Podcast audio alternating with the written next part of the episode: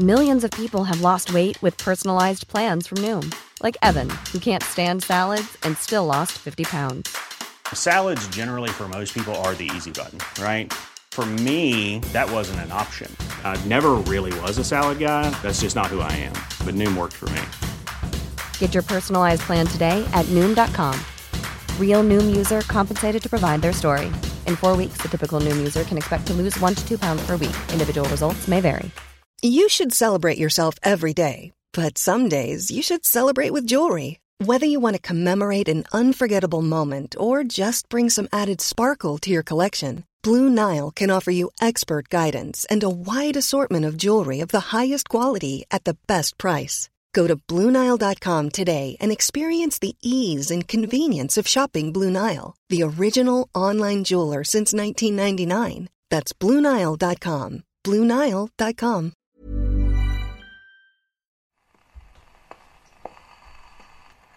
Den knitrende lyd, du kan høre i baggrunden, er optaget fra en gammel rejsegrammofon, som findes på Rungsted Lyd, nord for København.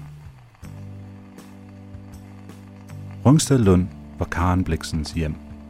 Det var her, hun blev født, og det var også her, for næsten 50 år siden, at hun døde. Og det er selvfølgelig hendes rejsegrammofon, du kan høre. Rejsegrammofonen er kun en af stjernerne i dagens program. De andre to hedder Torgil Bjørnvi Jeg vil gerne træffe nogen, nogen som er vise, nogen som var uendelig klogere end mig. Og det følte jeg, jeg havde gjort med hende første gang. og professor Åge Henriksen.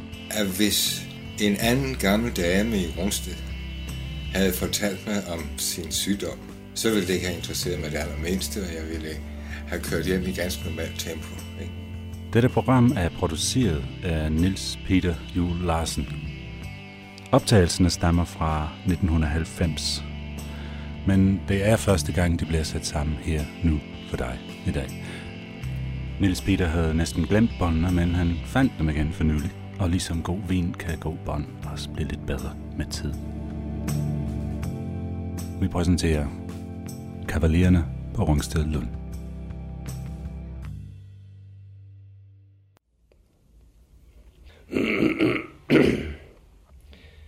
Ja, det begyndte med, at jeg læste Karen Bliksens bøger. Men øh, jeg havde ikke forestillet mig, at jeg ville træffe hende. Faktisk troede jeg, at hun var død.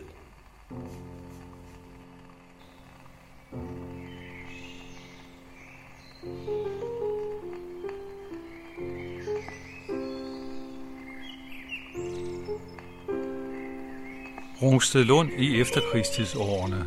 Karen Bliksens hjem i Danmark, et mindre landsted ved Øresund, godt 24 km nord for København, omgivet af en stor, sine steder vildt voksende park på 30 tønder land. Vel det nærmeste, man kan komme en dansk idyl. Fra forår til efterår yndig, om vinteren grå og nøgen.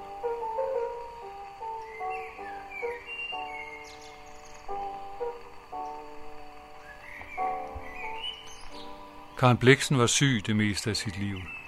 Den syfilis, hun havde fået i bryllupsgave af bror Bliksen, var for længst helbredt, men behandlingen havde efterladt hende med en livsvarig tungmetalforgiftning. Men når hun følte sig rask, dikterede hun om formiddagen til sin sekretær. Om eftermiddagen cyklede hun lange ture langs Øresund, når det var godt vejr. I dårlig vejr spacerede hun eller kørte i sin bil.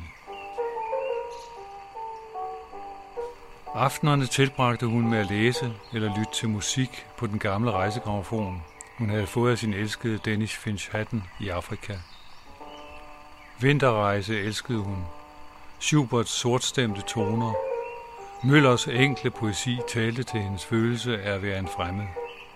Kan de ikke høre det, sagde hun til den unge Torgel Bjørnvig. Det er mig. Hun længtes efter selskab, men jævnbyrdige var svære at finde i Danmark.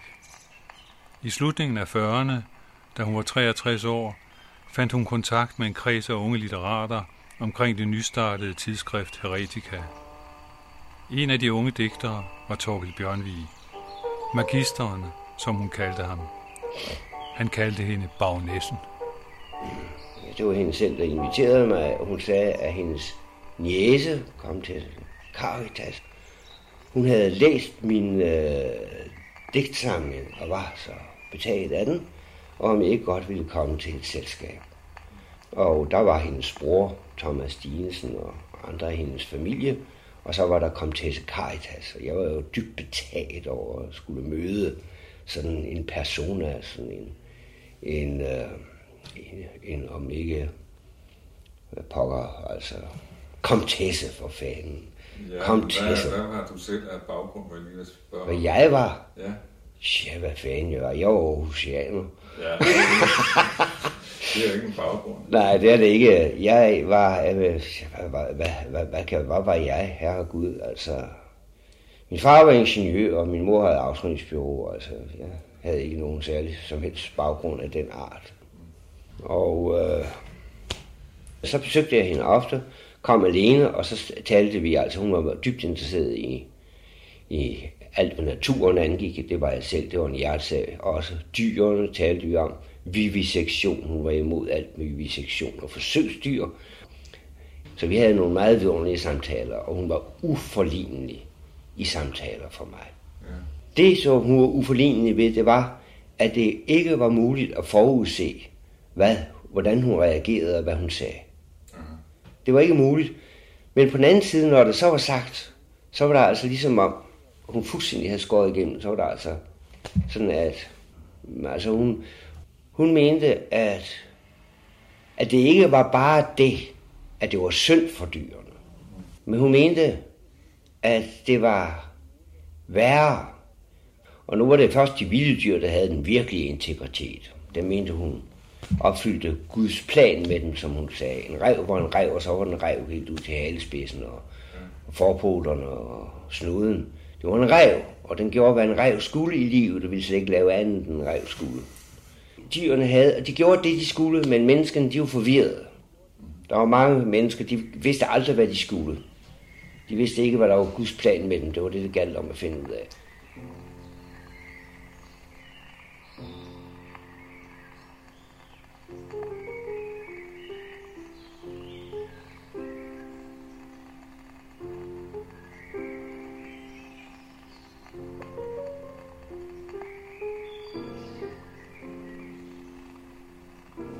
Professor i nordisk litteratur Åge Henriksen begyndte også at komme på Rungstedlund i begyndelsen af 50'erne. Så skete der for det første det, at der ikke skete noget. At vi drev øh, litterær til konversation. Og sådan var det i alle årene med Karen Sliksen, at øh, pludselig en dag, så skete der noget. Og hun satte ind i mægtig sindsbevægelse. Det var så første gang i sommeren 53. Og den historie, som du vil komme til at høre fra alle, øh, som har haft med hende at gøre. Øh, og som for det første har den pointe, at vi alle sammen troede, at vi var den eneste, hun havde betroet sig til. Så vi følte os meget udmærkede.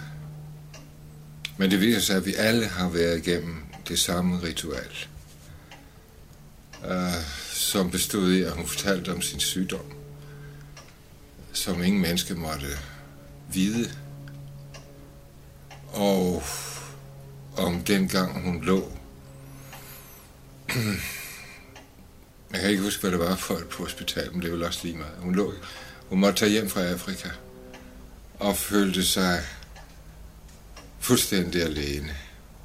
Alene i hele universet. Så en dag så mærkede hun pludselig, at nu var hun ikke alene mere. Og uh, der var en hos hende. Hans, det var djævlen, det var hans, hans sataniske majestæt, som kom hos hende. Og som var den eneste person, som kunne se, at der var noget fun i det. Øh, så kom han og trøstede hende, eller var hos hende, og gav hende den gave, at hun skulle kunne for alt. Altså, hun på en måde jo nu var afskåret. Sådan følte hun det selv. Og gjorde det vist meget længere, end sygdommen begrundede. Hun følte sig, at hun var afskåret fra alt egentlig samliv med andre mennesker. Altså seksuelt samliv. Ja. Som en, som en, der kunne smitte. Men han gav hende altså den gave, at fra nu af skulle hun så kunne forvandle alt, hvad hun oplevede til en historie. At hun fik den der øh, øh, magiske støtte til at holde sig selv i ære. Altså, øh, altså ja, hun under ingen omstændigheder ville lade sig deklassere. En af de andre, øh, som var det der ritual igennem, Jørgen Kalker, som er atomteoretiker. Uh, men som ung uh, arbejdede noget med poesi. Til ham sagde hun efter at have fortalt historien, uh, at nu skulle de blande blod. Uh, for at blande blod med en heks, det gav dybe indsigt i verden, som man ikke ellers kunne få. Og han blev stødeligt skræmt. trods, trods sin atomvidenskab. Han ville ikke. Og så så hun på ham med det spottende smil, som man meget let kunne fremkalde. Så talte de ikke mere om det. Men han var dumpet, altså. Og hvordan gik det så med dig? Fik ikke det tilbud. uh,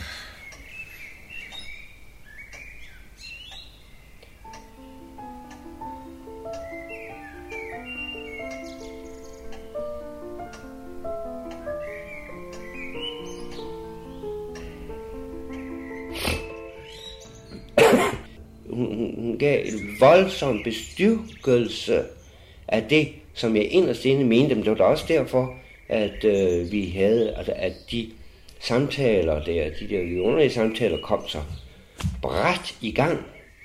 Det var af den enkelte grund, at, at øh, jeg var planlagt øh, til det. Og jeg var altså voldsomt betaget. Det var ligesom om, altså, altså, hvis man nu forestiller sig, at man at nu har jeg studeret litteratur, og jeg går jo vidglødende op i dækning. Og det ville da have været mest vidunderligt, hvis jeg havde kunnet træffe Hølterlin eller, eller Rilke, eller nogle af de, de digtere, jeg var henrygt for, ikke? Keats, eller hvem jeg nu var. En, en, no, no, nogen i livet, der var, åh, jeg var så skuffet over vores professorer. Og sådan, jeg, jeg vil gerne træffe nogen, nogen, som var vise, nogen, som var uendelig klogere end mig. Og det følte jeg, jeg havde gjort med hende første gang. Og det var hun. Hun var altså bare meget klogere. Det, var, det som var vanskeligheden for hende, det var spillet, der var mellem hendes lidenskab og hendes visdom. Når lidenskaben greb hende, så suspenderede hun visdommen. Ikke? Men ellers var hun vis. Og øhm, derfor skrev jeg et brev til hende en gang, jeg havde besøgt hende, om hvor, hvor vidunderligt det var at træffe en. Vi har haft en helt vidunderlig samtale om ja, livet, kosmos, ja. de store digter, alt hvad der er skønt og klogt og godt i livet. Og så skrev jeg det her brev dybt betaget til hende. Og jeg hende havde mødt en, som jeg alt, altid havde drømt om at møde. Hun, hun var den. Så at det var det mest vidunderlige, og hvis det var muligt, så ville jeg altså gerne tjene hende. Skrev jeg. Og øh, så fik jeg et brev fra hende, hvor i der stod, at, at hun havde haft en sin bedste mest vidunderlige tjener. Det var Farah fra farmen, hendes hushovmester. Og nu skulle jeg sådan være lidt i farested det var ikke så let. Og desuden, så ville hun ligesom Elias velsignede Elisa, så ville hun velsigne mig og efterlade og lægge kappen, hendes kappe omkring mine skuldre, og efterlade mig tre fjerdedel af hendes ånd. Og det gjorde et voldsomt indtryk på mig, det er klart. Og så senere hen, så øh, kaldte hun det brev, eller det, som var Øh, sket der imellem os, det kaldte hun for, at vi havde indgået en pagt. Det var pakten, hvor at vi fuldstændig skulle stole på hinanden og tjene hinanden. Det var gensidigt, og det var således, at pakten var at forstå. Det var pakten.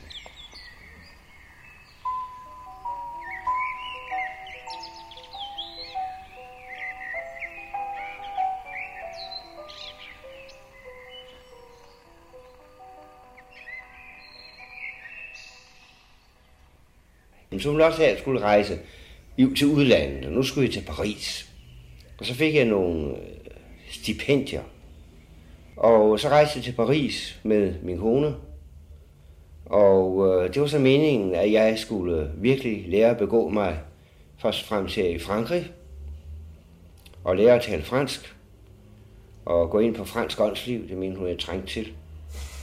Og øh, så de, derfor så og det gjorde jeg, så realiserede jeg så. Men så havde jeg også, at vi havde den treårige søn, ham tog vi så, han kom så, vi var der på måneder alene, så kom han derned. Det var hun også utilfreds med, at vores barn kom derned. Og så udtrykte hun sig med meget stor hån. Ja, det kan jo ikke nytte, at man går ud og leder efter den hellige gral med barnevogn. det har hun jo også ret i. Ja, ja, ja, ja, men altså, all right. Men ja, nu var jeg gift, jeg havde det barn. Ja. Ikke? Så nej, men det var også derfor, ja, hun mente, at jeg skulle... Hun sagde det ikke direkte, men hun mente altså, at det der, det var ikke godt for mig, hvis jeg virkelig skulle blive til noget. Og det mente hun nok ikke kunne, men så skulle jeg altså... Men uh, så var hun meget utilfreds med mig, og uh, over heller ikke var mere læredygtig i fransk. Det synes fransk er svært. Tysk og engelsk, det går udmærket. Fransk synes jeg, hun er svært. Og så sad hun hjemme på salon, og så siger hun, så slår hun i bordet og siger, giv det her på. Giv det her slag øh, vil ramme magisteren, som hun kaldte mig, i hovedet.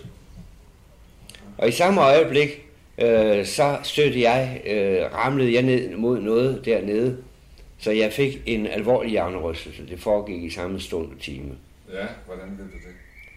Det ved jeg, fordi hun, ved, hun har hørt så meget grundigt, hvornår jeg fik det, og det var stemte meget nøjagtigt med på det tidspunkt, hun havde ja, slået på. Det har for, ikke? Ja, selvfølgelig. Det kan jeg da ikke vide andet.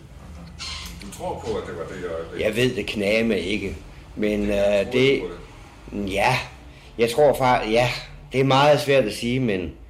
Men... Uh, det kan være. Det kan nok være. I hvert fald så var jeg altså syg, og så kom jeg, blev langsomt rask, og kom til Britannien, og der, der oplevede jeg altså øh, ganske tydeligt, at øh, hendes nærvær, hun talte til mig.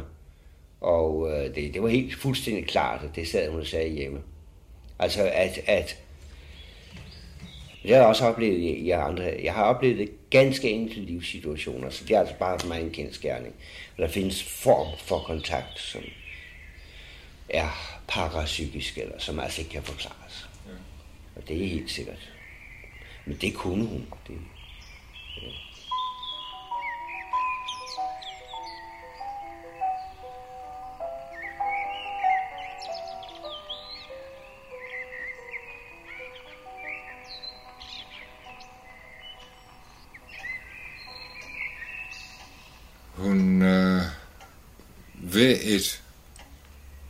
utrolig underlig møde, som fandt sted en gang i februar 1958 må det være, fordi det var kort efter Torkel Bjørnvigs fødselsdag.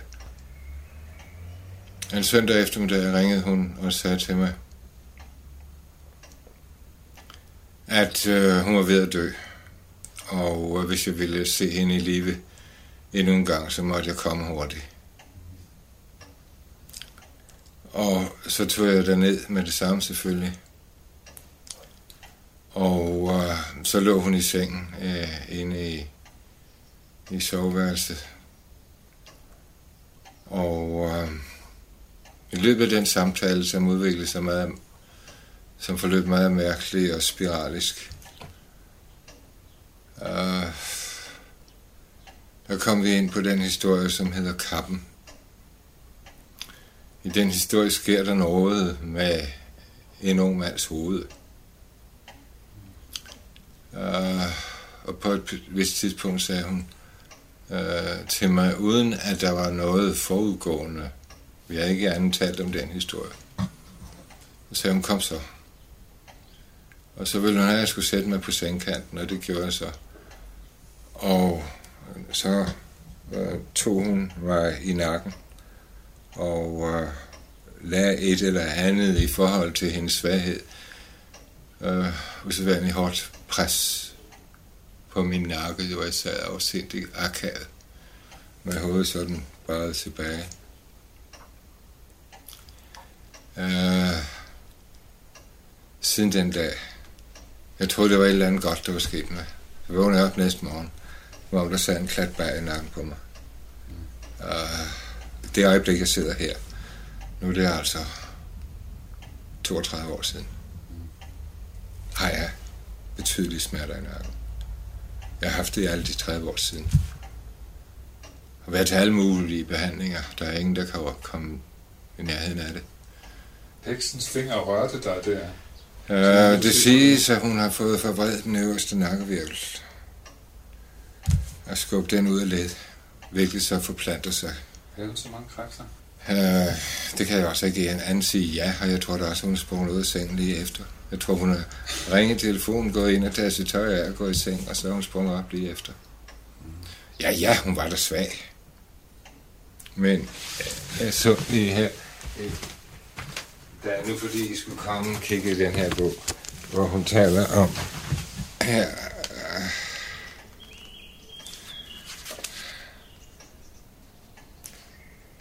Uh,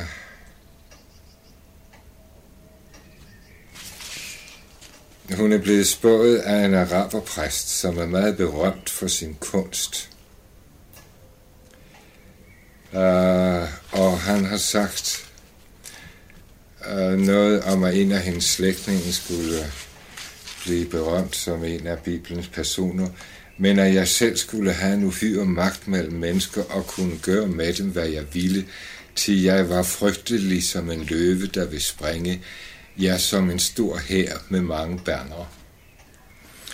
Uh, så ser hun senere i det samme brev til Thomas Stinsen, uh, at jeg, uh, hvad var det, at jeg er ved at lære nogle af deres trollerier, men jeg må ikke sige det til nogen, så det har I jo ikke noget glæde af.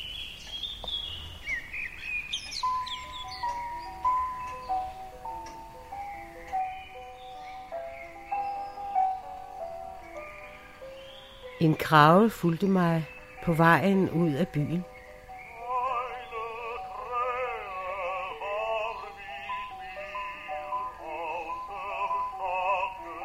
Den kredser stadigvæk rundt omkring mit hoved.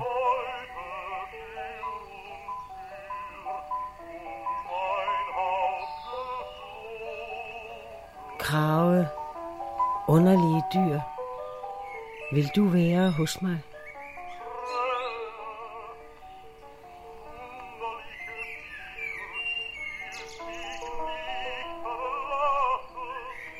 Tror du da, jeg ganske snart til dit bytte bliver?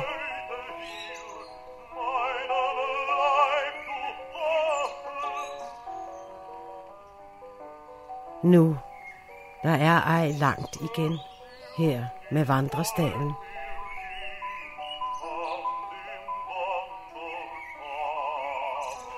Krave, lad mig endelig se. Troskab indtil døden.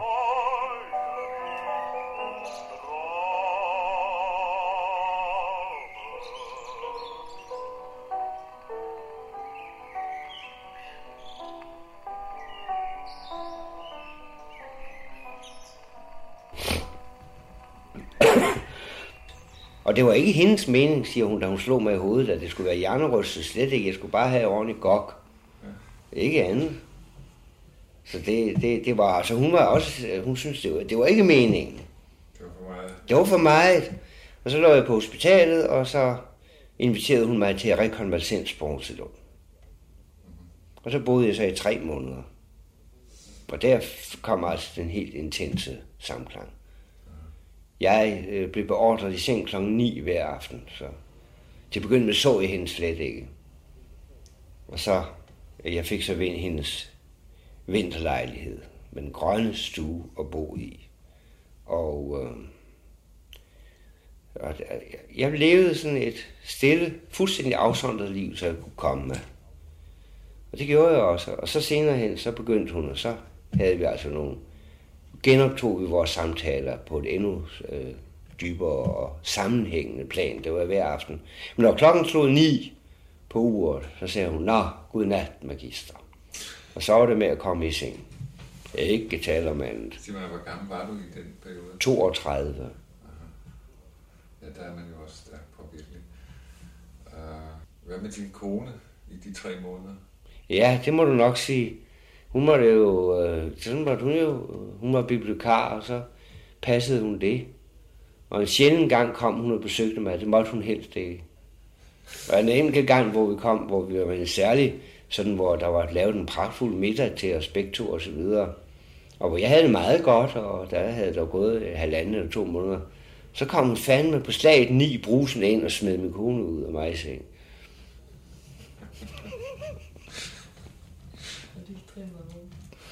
Men så havde vi altså en vidunderlig tid der, og der skrev jeg et et meget stort digt.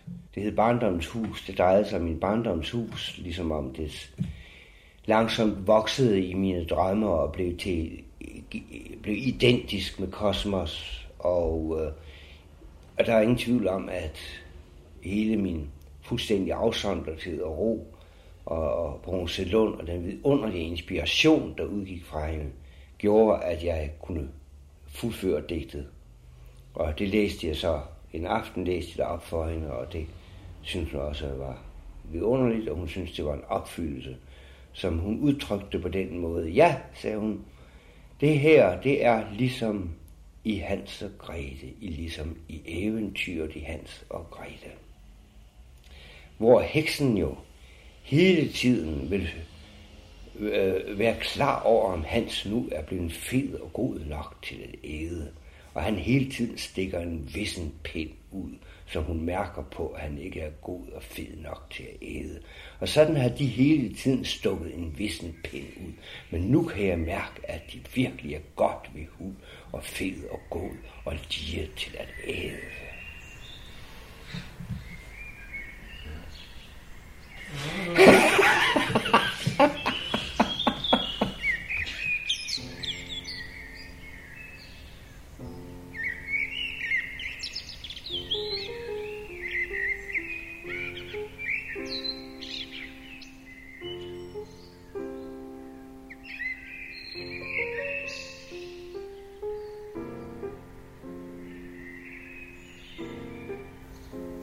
havde jo det, at hun kunne få informationer om en, øh, som hun dels hentede fra andre.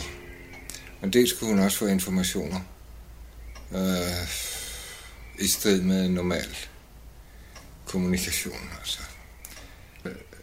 Så hun foretog sig noget med de personer. Hun forsøgte på at gribe ind i deres liv. Hun forsøgte dem at forvandle dem til en tekst. Ikke? Man sagde ikke at skrive visdomsord ned. Og øh, det var rent praktisk, at hun greb ind i ens liv med, med handlinger. At vi skulle øh, øh, smadres i den skikkelse, i den ret tavlige og primitive skikkelse, vi havde. Øh, fordi hun så nogle muligheder. Og de skulle så bringes til udfoldelse under det motto, at det er kun de hårde ting, der giver klar. Og så kan man ligesom øh, se tilbage og sige, ja, hvad var det for? Hvad var det, man var udsat for? Fordi hun stadigvæk er beskæftiget sig med at påvirke en, at ændre en, at rive grunden væk under en. øh, der, hvor man var. Ikke? Og øh, der er der ingen tvivl om, at det er ganske frugtbart at få revet grunden væk under sig. Hvis man kan finde et eller andet sted at komme i land. Mm. Jeg har aldrig nogensinde... Noget af det, hun har gjort på den måde, synes jeg var værdifuldt. Noget var, kan jeg ikke opfatte som andet end skadeligt. Men jeg kan... Jeg har aldrig kunne, kunne sige, hvad det drejer sig om. Hvad hun ville med en. Hun ville noget med en.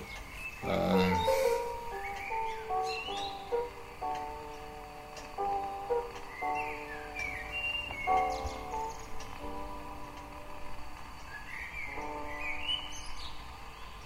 Så blev det kun til, at jeg besøgte hende, for eksempel i weekenden, at jeg kun besøgte hende, så når jeg kom derned til aftensmåltiden, og så overnattede jeg.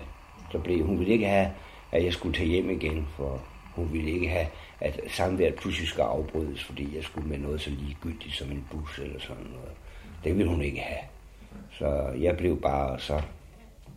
Og så spillede hun jo meget gramofon for mig. Ofte var det sådan, når jeg så var puttet i seng, så åbnede hun døren, så satte hun øh, den rejsegramofon, hun havde fået af Dennis Van Hatton. Så satte hun en plade på den, som jeg skulle falde i søvn til. Så det var altså god mening i. Da jeg var meget glad for musik, og vi var glade for det samme. Det var igen, det var en dyb samklang der. Så det var jeg meget lykkelig for. Jeg glemte aldrig de der. Det sagde hun også den første aften, satte hun en plade på, og sagde, den vil jeg aldrig glemme den melodi. Det har jeg sandelig heller aldrig gjort. Hun elskede også at forklare, at hun ikke kunne tysk. Hun sagde, hun kunne kun fransk og engelsk. Men det passede bare ikke. Jeg kan huske, der var, hun fortalte om, hvordan at øh, Dennis van Hatton var styrtet ned. Hun talte jo ofte om ham. Og øh, og så en aften, vi hun havde talt om ham, så sagde jeg, her, hvordan det var. Så sagde jeg, det minder mig om et digt af Goethe. Det der med, at han ligesom gik til grunde på vinger. Som hedder Selige Sehnsucht. Altså fra Vestøstlicher Divan, som er et af mine yndlingsdigte. Nå ja, sagde hun så, så sig lige digtet til mig. Ja, men det kan jeg ikke sådan uden videre. Øh, kan jeg ikke gå ind og finde den i bogsamlingen?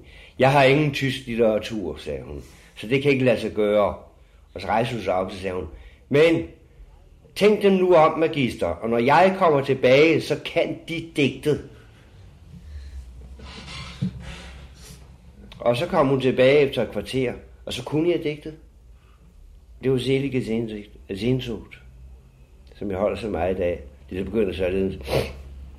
Sagt es niemand nur den Weise, weil die Menge gleich verhöhnet, das Lebendige will ich preisen, das nach Flammen tot sich sehnet. Og så fortalte jeg, så var der altså det, der førte tanken over på Dennis Van Hatton. Og så synes jeg, at de sidste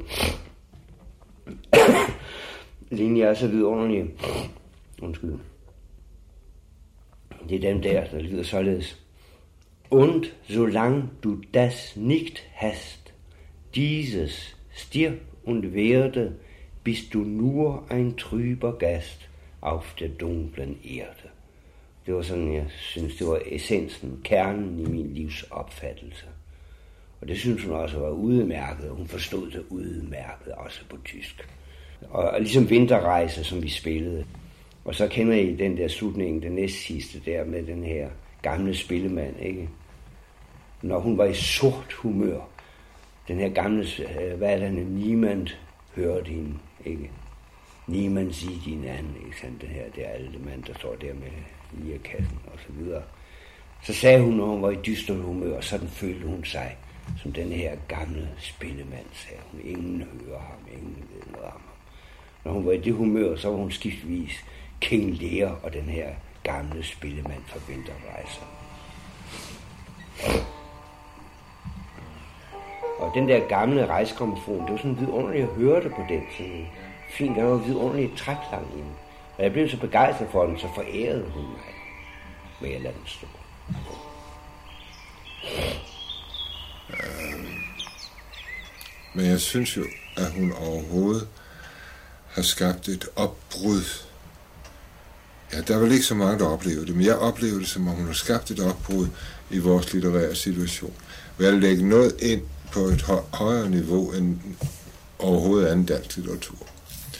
Uh, ved at bringe en indsigt ind, en vildskab ind, uh, som åbner helt andre perspektiver.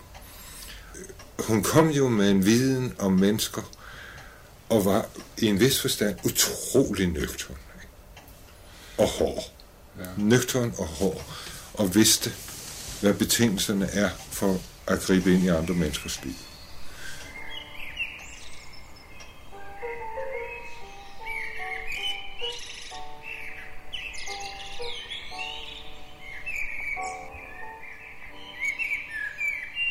Men så ville hun absolut have, at jeg skulle forelske mig.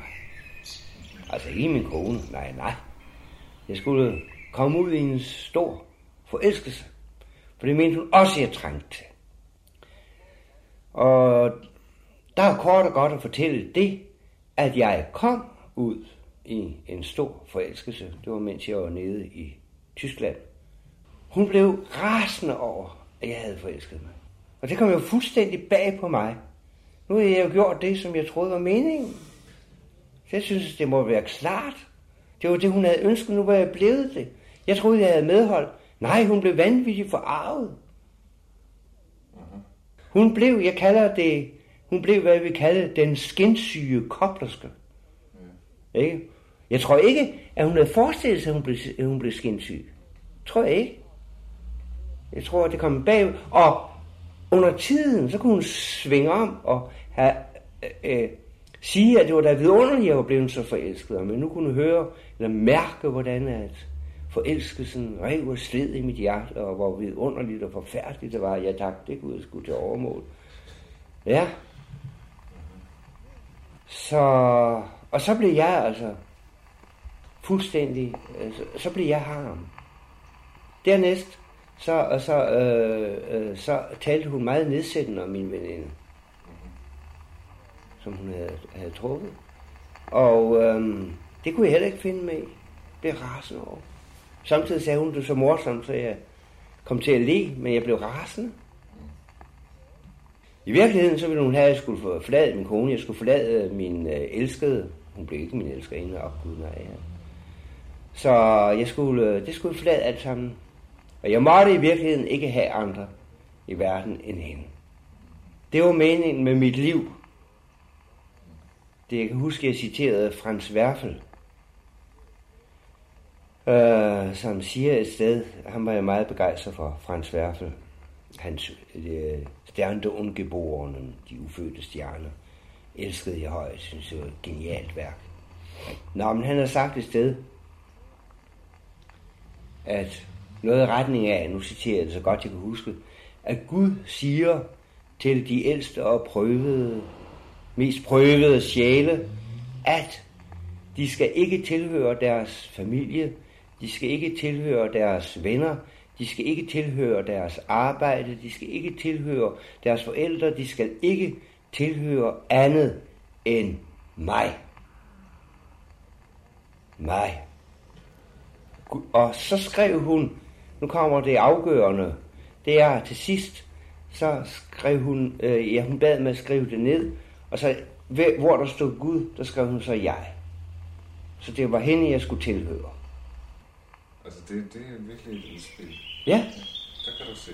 Jeg beundrer det, jeg beundrer det. Ja.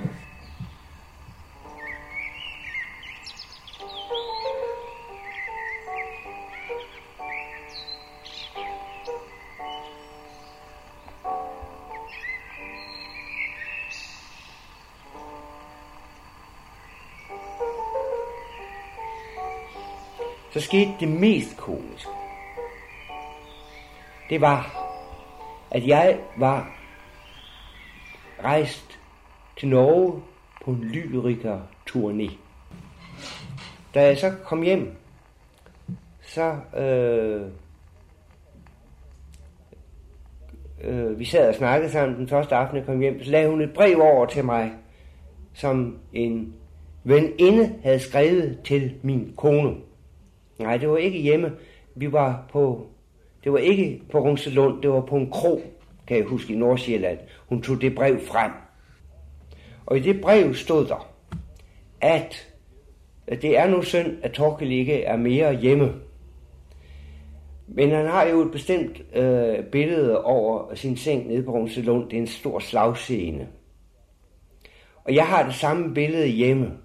Så hvis jeg nu låner dig det billede at slå op over Torkels seng, så kan han jo lige så godt være hjemme. Se, øh, se det brev. Øh, det havde øh, min kone lånt mig, da jeg lige havde besøgt hende. Og øh, da jeg så rejste, så havde Karen Bliksen sådan givet mig en nøgle til det hele, men hvad fanden, jeg rejste og kom jo bagefter en uge. Men så havde hun, Karen Bliksen simpelthen gennemgået brevene til mig, og også derigennem fået det brev der. Og det havde hensat hende i sådan raseri. Og det viste, at hverken min kone eller den der veninde eller jeg havde nogen æresfølelse. Og hendes venner ville aldrig have gjort sådan noget. Så sagde jeg, ja, sagde jeg så. Men ville bagnæssen være gået sådan til værks, at læse nogen af, deres, af, af, af vennernes breve, for det synes jeg ikke er meget ære i. Jeg har da aldrig drømt om, at bagnæssen vil give sig til at læse mine breve. Det er mine breve. Der er ingen, der siger, at jeg synes, det er rigtigt, hvad hun har skrevet. Men det er breve til min kone og mig. Det har jeg da lov til at have liggende her. Ja, men så kan de låse det nede. For hvis de ikke gør det, så, har jeg, så betyder det, at jeg har lov til at læse dem. Jeg var fuldstændig rystet. Det var ære. Men det var det altså. Og så ville hun have, at jeg skulle sige pakken op grundet på det brev. Men det sagde jeg, det ville jeg ikke.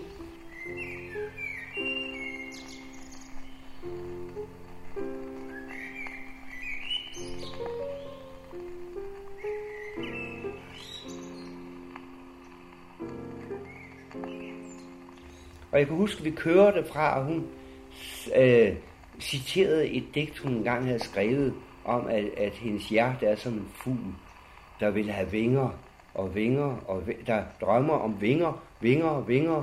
Og så sagde hun, giv mig fri, giv mig fri. Og så kan jeg huske, at jeg gik hjem. Jeg blev syg i tre dage. Jeg var helt ude af mig selv. Og så sagde jeg, pakken er slut. Giv er fri. Det er i orden.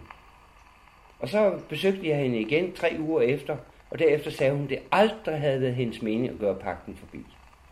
Det var slet ikke meningen. Det havde jeg misforstået.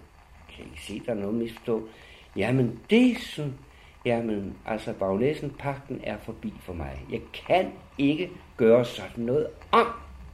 Den beslutning er taget i mit hjerte, og den kan jeg slet ikke nå ind til. Jeg kan ikke nå ind dertil, hvor den er taget. Jeg kan ikke ændre det. Ja, de er et småligt menneske. Pedantisk og småligt. Det sagde jeg, det mener jeg ikke, jeg er. Jeg synes bare, jeg kan ikke, jeg har. Men vi kan godt, altså, jeg, jeg vil komme, jeg vil gerne komme som altid, og så videre. Men så skulle jeg ikke komme her.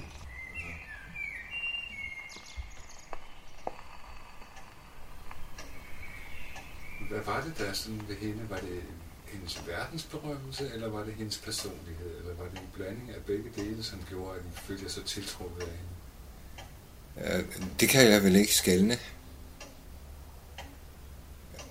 Uh, jeg kan da sige med klarhed, med sikkerhed, at hvis en anden gammel dame i Rungsted havde fortalt mig om sin sygdom, uh, så ville det ikke have interesseret mig det allermindste, og jeg ville have kørt hjem i ganske normalt tempo. Ikke? Og i den forstand kan jeg godt sige, at det var hendes berømmelse, som jo dog var meget mindre dengang. Ikke? Ja. Men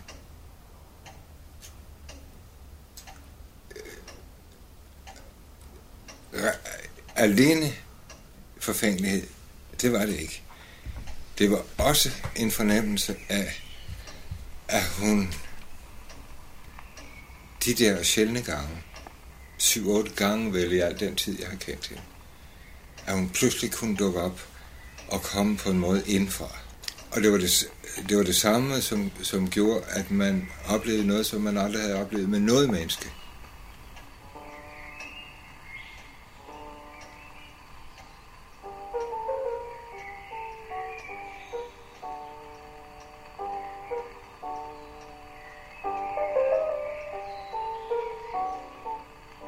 Omme bag ved byen står en spillemand.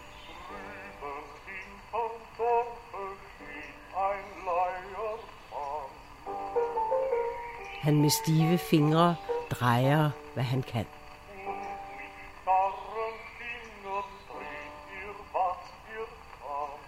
Nøgen fod på isen vipper op og ned.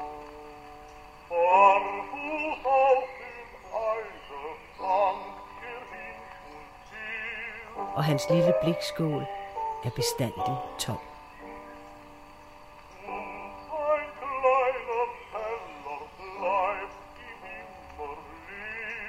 Ingen gider høre.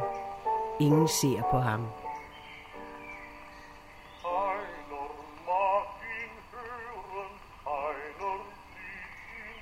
Hundene de knurrer af den gamle mand.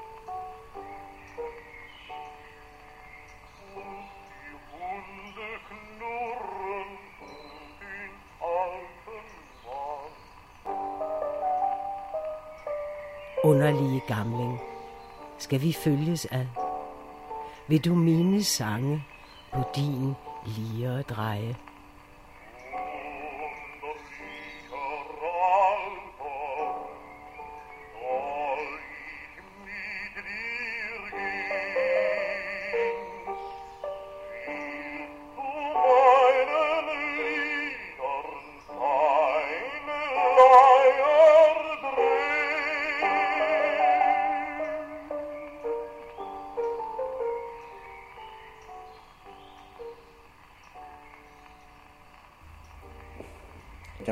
Meget stærke lidenskaber øh, på spil begge. Jeg synes, det var vidunderligt. Ja. Ikke? Det, der har været meget stærke lidenskaber på spil i begge.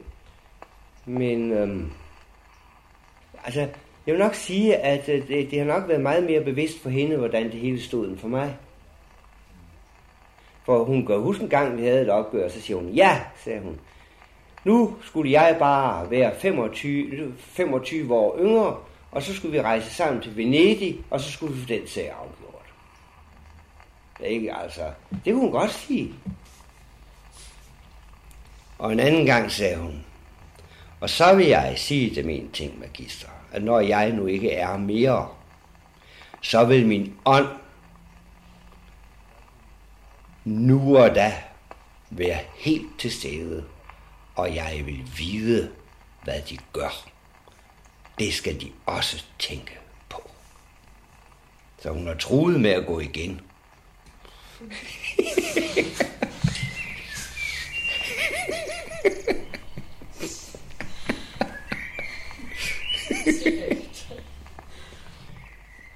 ja, men uh, det som, som, som altså det som for mig altså er tilbage, når alt, hvad hedder det, er glemt med pjat og fragl og småligheder og det der.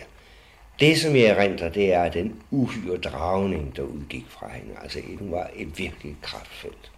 Så du kan forstå, der var alle modsætninger.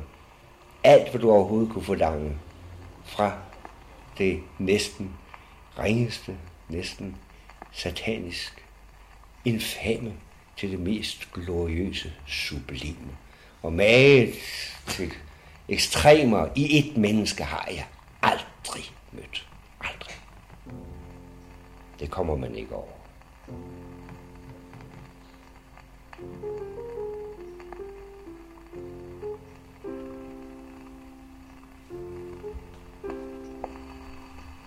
Karen Bliksen var ensom, syg og verdensberømt. Mit hjerte ligger begravet i Nong Hills, skrev hun i et brev i 1932. Det er en slags skyggetilværelse, jeg her præsterer. Det er vist kun én gang i tilværelsen, at man lever. Man behøver ikke just at have været udelukkende lykkelig i dette ene liv. Men alt, hvad man bagefter tager op, det løber som sand gennem fingrene.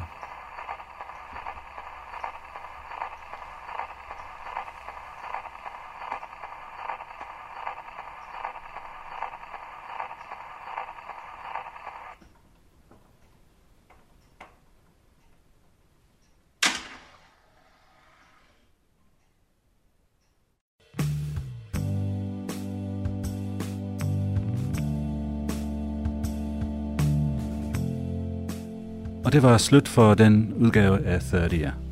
Montagen var produceret af Niels Peter Jul Larsen, og medvirkende var Torgild Bjørnvi og professor Aage Henriksen. Musikken gennem hele udsendelsen var Schuberts vinterrejse afspillet på Karen Bliksens egen rejsegrammofon, som du stadigvæk kan se, hvis du tager på besøg på Karen Bliksen Museum i Rungsted Lund. Oplæsningen var af Niels Peter Jul Larsen selv og Lene Lind. Mit navn er Tim Henman. Og husk, hvis du kunne lide, hvad du hører på 30, så send det endelig videre.